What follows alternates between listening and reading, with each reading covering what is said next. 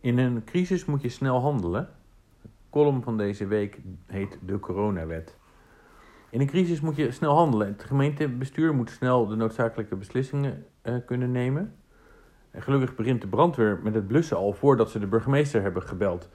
Maar als het langer duurt, dan moeten er besluiten genomen worden. Een sporthal regelen of een besluit over ontruiming nemen. En natuurlijk heeft de burgemeester een schouder voor de nazorg. Maar de crisis corona is anders. Dat is geen brand, het is geen gijzeling, het is een type A-ziekte. Dan is de hele regio, nee, het hele land in dezelfde crisis.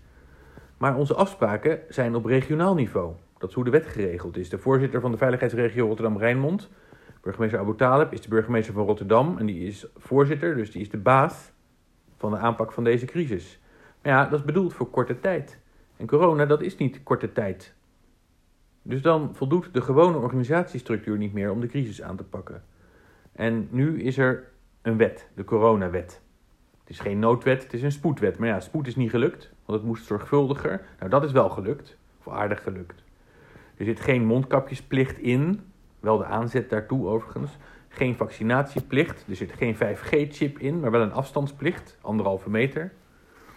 En het regelt dat de lokale burgemeester de meeste besluiten neemt en niet de burgemeester van Rotterdam. En dat is, ja, dat is op zich goed, maar goede afstemming is wel van het grootste belang. Want 355 gemeentes die het allemaal zelf gaan bedenken, dat is niet de bedoeling. Althans, dat vind ik een slechte zaak. Dus dat is een risico en ik ben ook niet zo heel enthousiast over dat risico. Uh, de wet is klaar, ingangsdatum is nog niet bekend. Waarschijnlijk pas nadat de eerste versoepelingen eraan gaan komen. En ja, dat kan helaas nog wel even duren.